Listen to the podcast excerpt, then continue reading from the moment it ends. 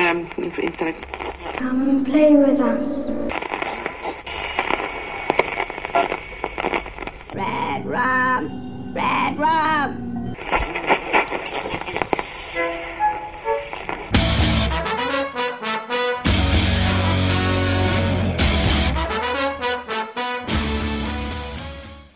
Witam bardzo serdecznie wszystkich słuchaczy w 94 i zarazem ostatnim odcinku Radia SK, jaki nadamy w 2012 roku.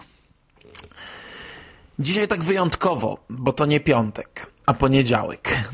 Ale w końcówce grudnia nam się w ogóle kilka odstępstw od normy przytrafiło, więc może nie aż tak znowu wyjątkowo.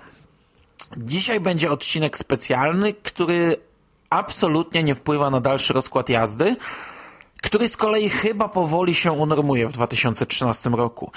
E, bo jakieś tam rozgrzebane zaplecze mamy na 2-3 tygodnie mm, i liczę, że uda mi się kilka odcinków w przód nagrać. Taki odcinek jak dziś planowałem zrobić przed rokiem. Z tym, że planowałem to zrobić większą grupą na sylwestrowym zjeździe fanów, ale nie wyszło. W tym roku nie wyszedł zjazd, e, ale odcinek powstaje.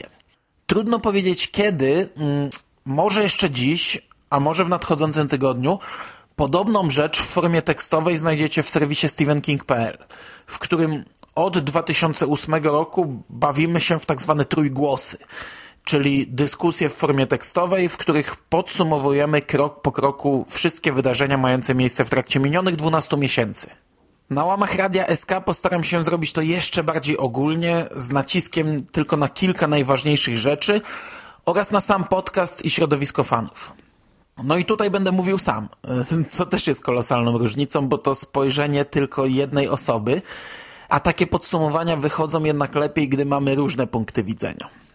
No i po pierwsze właśnie sam podcast. W roku 2012, który zakończy się już za kilka godzin, udało nam się nagrać, wyprodukować i udostępnić 56 audycji, łącznie z tą, którą w tej chwili słuchacie. Daje to średnią odrobinę wyższą niż jeden odcinek na tydzień. Ale to dlatego, że ostatni kwietniowy tydzień to zawsze nasza taka wielka impreza, która w tym roku była dość szczególna. Podcast Radio SK świętował rok, a serwis StephenKing.pl 10 lat istnienia. I z tej okazji przygotowałem wtedy dla Was nieco więcej atrakcji. W nadchodzącym roku nie sądzę, by świętowanie było aż tak wielkie, ale może jakieś niespodzianki uda się z tej okazji zrobić. Na pewno już niebawem planuję specjalny tydzień z podcastem, ale tematykę na razie przemilczę, co by niepotrzebnych publicznych zapowiedzi nie robić. Jeśli wszystko pójdzie po naszej myśli, to 8 lutego stuknie nam setka. Na chwilę obecną nie mam pomysłu na żaden wyjątkowy temat, więc bardzo możliwe, że poleci to, co akurat będzie na tapecie. Bez żadnych fanfar i śpiewów. no, może ze śpiewami. W minionym roku udało nam się zrobić, o ile dobrze to policzyłem, siedem takich klasycznych dyskusji, w których gościły w sumie cztery osoby nieco częściej pojawiający się Grzegorz Labuda, stały prowadzący Łukasz Skóra i dwaj jednorazowi goście, Paweł Szczepanik i Dominik Jakubiak. Na nadchodzące miesiące mam zaplanowane przynajmniej dwa nagrania z kolejnymi debiutantami na falach Radia SK i mam nadzieję, że będzie ich więcej, bo choć ze mną zawsze trudno dopiąć termin, to jak już dojdzie do nagrania, to zwykle są to bardzo fajne rzeczy. A zresztą ja bardzo lubię, jak inne osoby mają okazję wypowiedzieć się na łamach tego podcastu. Od jakiegoś czasu bardzo za mną chodzą takie klasyczne podcasty z kilkoma prowadzącymi i luźnymi rozmowami na różne tematy, zamknięte w jakimś znośnym dla słuchacza przedziale czasowym, powiedzmy 30-40 minut, i od zawsze chciałem, by tak właśnie wyglądały wiadomości z martwej strefy. Oczywiście w minionym roku były też dyskusje mniej klasyczne, takie e, pisane w cudzysłowie, czyli audycja prowadzona przez jednego prowadzącego, ale z wejściami innego. I to jest szablon, który dość często stosujemy w swoich podcastach i nie tylko wymieniamy się mikrofonem ze skórą, ale też i przykładowo Michał Oleszczyk był kiedyś naszym gościem, nowe głosy pojawiały się w słuchowiskach, w planach był występ Bartka Czartorskiego na łamach podcastu, ale no, nagranie nam nie wyszło. Myślę, że jeszcze kogoś uda się zaprosić do wspólnej rozmowy. To jest też bardzo fajny rodzaj nagrywania, który można by praktykować w przyszłości, y, kiedy to słuchacze przysyłają nam jakieś swoje wstawki. Oczywiście, gdyby to się miało pojawiać w normalnych, tradycyjnych podcastach, musielibyśmy odpowiednio wcześniej udostępniać jakiś plan, ale na przykład takie wstawki można by bardzo fajnie wpasowywać w wiadomości z martwej strefy. Każdy ma dostęp do newsów z minionego miesiąca, które można znaleźć choćby w serwisie stevenking.pl i wystarczyłoby nagrać krótki komentarz o którymkolwiek z newsów, który wzbudził jakieś tam nasze emocje i podesłać go do mnie. My już wpasowalibyśmy to w podcast tak jak trzeba, jako tam powiedzmy coś w stylu telefonu od słuchacza, a zawsze daje to okazję do wypowiedzenia się innym osobom i zawsze jest to spojrzenie z kilku punktów widzenia, czyli to, o czym mówiłem na początku. Niestety jak dotąd nie wyszła nam dyskusja na trzy i więcej osób, a szkoda, bo chciałbym sprawdzić, jak trudne jest to do ogarnięcia i późniejszego zmontowania. Od takiej dyskusji mieliśmy zresztą zacząć 2012 rok. Była już zapowiedziana, miał pojawić się żeński głos, e, no ale nie wyszło. Potem były plany na omawianie Mrocznej Wieży we trzech, ale ostatecznie nawet we dwóch coś nie możemy zacząć. Rok 2012 przyniósł też serię Stephen King Poleca, która dla mnie była zbawienna bo odciążała mnie mocno od pracy nad podcastem, a poza tym dzięki niej mogłem dla odmiany obejrzeć trochę dobrych starych filmów, które niekoniecznie widziałem już wcześniej. Docelowo miało się to ukazywać raz na miesiąc, ostatecznie prawie wyszła nam średnia raz na dwa miesiące. Pewnie by wyszło i więcej, ale odcinek powakacyjny, w którym mieliśmy powrócić po przerwie, zablokował nam się na tyle, że jeszcze się nie ukazał. Najprawdopodobniej seria powróci wraz z tym odcinkiem już w styczniu, ale że ten podcast był już kilka razy zapowiadany z nagłówkiem w następnym tygodniu, to może lepiej ja przemilczę ten fakt i sam poczekam na ewentualną niespodziankę. I to by było chyba wszystko, jeśli chodzi o sam podcast. Strasznie cieszę się, że udało mi się już ponad półtora roku zachować takie tempo. Strasznie cieszę się, że udało mi się stworzyć grupę słuchaczy, z których wielu autentycznie czeka w czwartek na te pierwsze piątkowe cztery minuty po północy i słucha od razu po premierze. Ale też o czym powtarzam od dawna, trochę mnie martwi, że kiedyś to się skończy. E, chociaż w przypadku nadawania tego podcastu zachodzi zjawisko odwrotne niż u większości osób tworzących coś w internecie. Większość ludzi zapowiada i obiecuje, a potem nic z tego nie wychodzi. Ja natomiast ciągle powtarzam, że to się skończy, że nie mam co nagrywać, że przechodzę na nieregularnik, dwutygodnik, miesięcznik, kwartalnik, że jeszcze miesiąc i zmieniamy formułę, e, że jeszcze góra dwa tygodnie i robimy przerwę a ostatecznie od kwietnia 2011 roku mieliśmy tylko dwa piątki bez Radia SK. Zawsze na koniec roku. Przed rokiem zapowiedziane, w tym roku przypadkowe. Na mniej więcej 90 tygodni nadawania mieliśmy dwie przerwy. Ale też kilka razy odcinki nadprogramowe i wyszło tego łącznie 94 podcasty. No, jednak tym razem już naprawdę wiem i pewnie dobrze, że tak mówię, bo to znaczy, że będzie zupełnie odwrotnie, ale wiem, że za 12 miesięcy nie będzie już tak imponujących statystyk, by się nimi pochwalić. Choć z drugiej strony kupiliśmy mieszkanie, w marcu się przeprowadzamy, wreszcie nie będę gnił w kawalerce, ale co najlepsze, będziemy mieli dwie piwnice. Czyli już nie będę musiał nagrywać na wariata podczas tych chwil, gdy jestem sam w domu. Szczególnie, że od niedługo już nigdy nie będę sam w domu. Tylko sobie jedną piwnicę przerobię na małe studio nagrań i będę mógł nagrywać w każdej wolnej chwili. Bez względu na to, jak niewiele będę ich miał. Okej, okay, ale zamknijmy już temat podcastu i spójrzmy na miniony rok pod kątem Kinga. I tutaj nie jest już tak fajnie, jak było z podcastem. Bo choć ja co miesiąc przygotowuję dla Was długie audycje y, o tym, ile to się nie dzieje wokół naszego pupilka, to są to w większości zapowiedzi, e, albo nie do końca sprecyzowane czasowo, mgliste plany, z których bardzo często nic nie wychodzi. Rok 2012 był natomiast jednym z najsłabszych od bardzo dawna.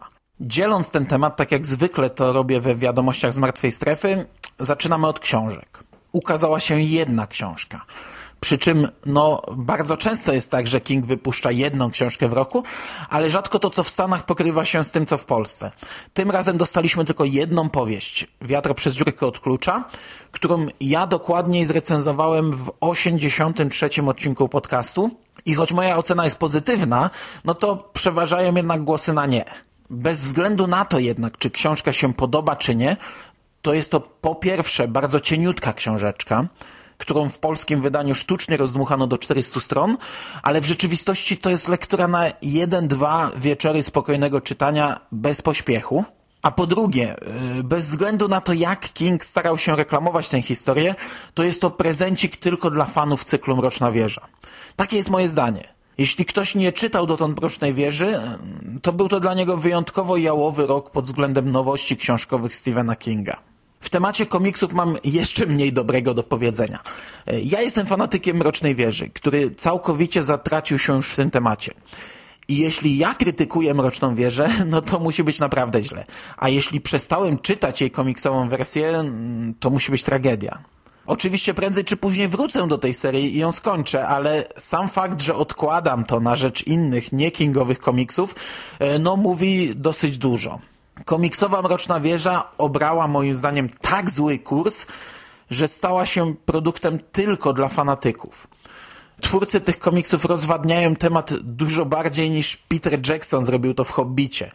On zrobił filmową trylogię, a oni z książki o podobnej objętości, przy czym znacznie mniej dynamicznej, w której przez większość czasu widzimy jednego milczącego bohatera, dodatkowo na pustyni, zrobili póki co jakieś 15 zeszytów komiksowych. Autentycznie, jeden zeszyt był nieraz adaptacją jednego akapitu z książki. I w przeciwieństwie do filmowego Hobbita, komiksowi twórcy Mrocznej Wieży nie rozbudowują tego uniwersum, a bardzo, bardzo, bardzo dokładnie przenoszą je na nowe medium. Zabawne jest to, że ten projekt na samym starcie też był adaptacją jednej z książek. Mówiło się, że nie można nowych czytelników wrzucać na nieznane wody, więc w pierwszych siedmiu zeszytach wydanych w 2007 roku dostaliśmy czwarty tom w pigułce. Czwarty tom jest tomem najdłuższym, liczącym ponad 800 stron i cała historia została skondensowana do siedmiu zeszytów, których rolą było właśnie wprowadzenie. Gdy twórcom skończyły się tematy na rozszerzanie uniwersum, powrócili do adaptacji, ale teraz przenoszą rozdział po rozdziale najkrótszy pierwszy tom cyklu, który liczy coś koło 200 stron, a jego trzy rozdziały przeniesiono na trzy serie po pięć komiksów każda, czyli łącznie 15 zeszytów o niczym. Jest jednak światełko na końcu tego tunelu, bo zapowiedzi na przyszły rok zwiastują nam wreszcie krótką, dwuzeszytową serię, która skupi się na pobocznym bohaterze. I z założenia ma to rozszerzać wątki znane z książek. Miejmy nadzieję, że twórcy pójdą dalej tym torem, co zresztą zapowiadali w wywiadach na początku tej podróży w 2007 roku, że gdy zakończą główną opowieść i będzie nadal zapotrzebowanie na ten tytuł, to skupią się na seriach przedstawiających bohaterów drugoplanowych. No i wreszcie po raz pierwszy od pięciu lat istnienia tego komiksu zdecydowano się na krótką serię, zamiast na siłę robić pięć zeszytów, które koniecznie trzeba potem wydać w samodzielnym tomie zbiorczym. W Polsce na szczęście jesteśmy dopiero na czwartym tomie i jest nadzieja na zakończenie przynajmniej tej podstawowej pięciotomowej historii. Tom czwarty wyszedł niedawno. E, fabularnie jest to jeden z najlepszych komiksów spod szyldu wieży, który pokazuje upadek stolicy i w którym uśmiercono wiele głównych postaci.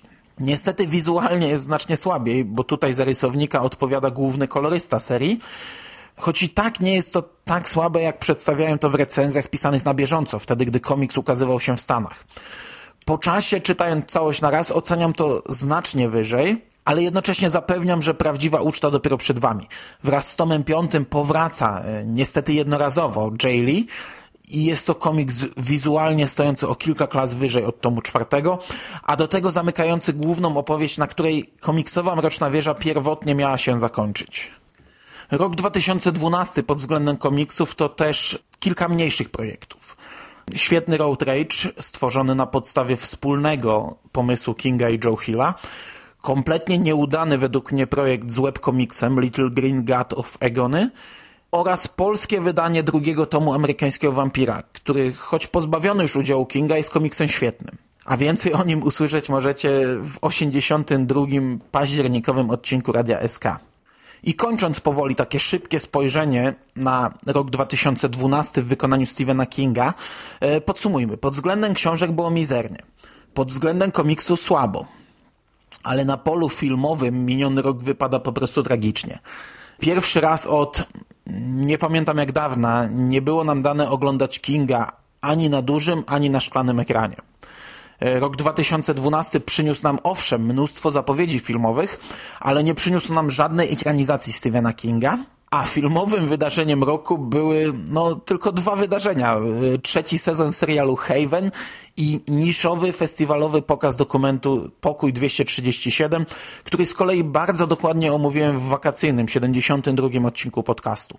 I choć dokument podobał mi się bardzo mocno, a i nowy sezon Haven cały czas zwyżkuje i jest zdecydowanie sezonem jak dotąd najlepszym, to tak złego roku nie było od bardzo dawna.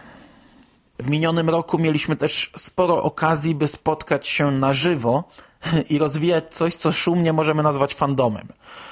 Większą ekipą pojawiliśmy się w Poznaniu na Prykonie, we Wrocławiu na Polkonie i w Łodzi na Międzynarodowym Festiwalu Komiksu i Gier. Mniejsze grupy gościły na innych imprezach, ale ja miałem okazję spotkać się w większej grupie tylko podczas tych trzech konwentów czy też festiwali. W nadchodzącym roku na pewno pojawia się już w marcu na Prykonie i w kwietniu zawitam we Wrocławiu na Tatooine, ale to nieco inna bajka. I to najprawdopodobniej będzie początek dość długiej przerwy w moim konwentowaniu. E, niestety w czerwcu po roku przerwy wraca mój ulubiony konwent Dni Fantastyki we Wrocławiu, a mówię niestety, bo mnie na nim najprawdopodobniej nie będzie. Także już teraz zapowiadam, że jeśli nie interesują Was Gwiezdne Wojny na tyle, by jechać do Wrocławia na mini konwent, to marzec, Poznań i Pyrkon będzie ostatnią okazją, byśmy spotkali się na żywo, wypili jakieś piwko i pogadali o pierdołach. Potem biorę długie wakacje od wyjazdów.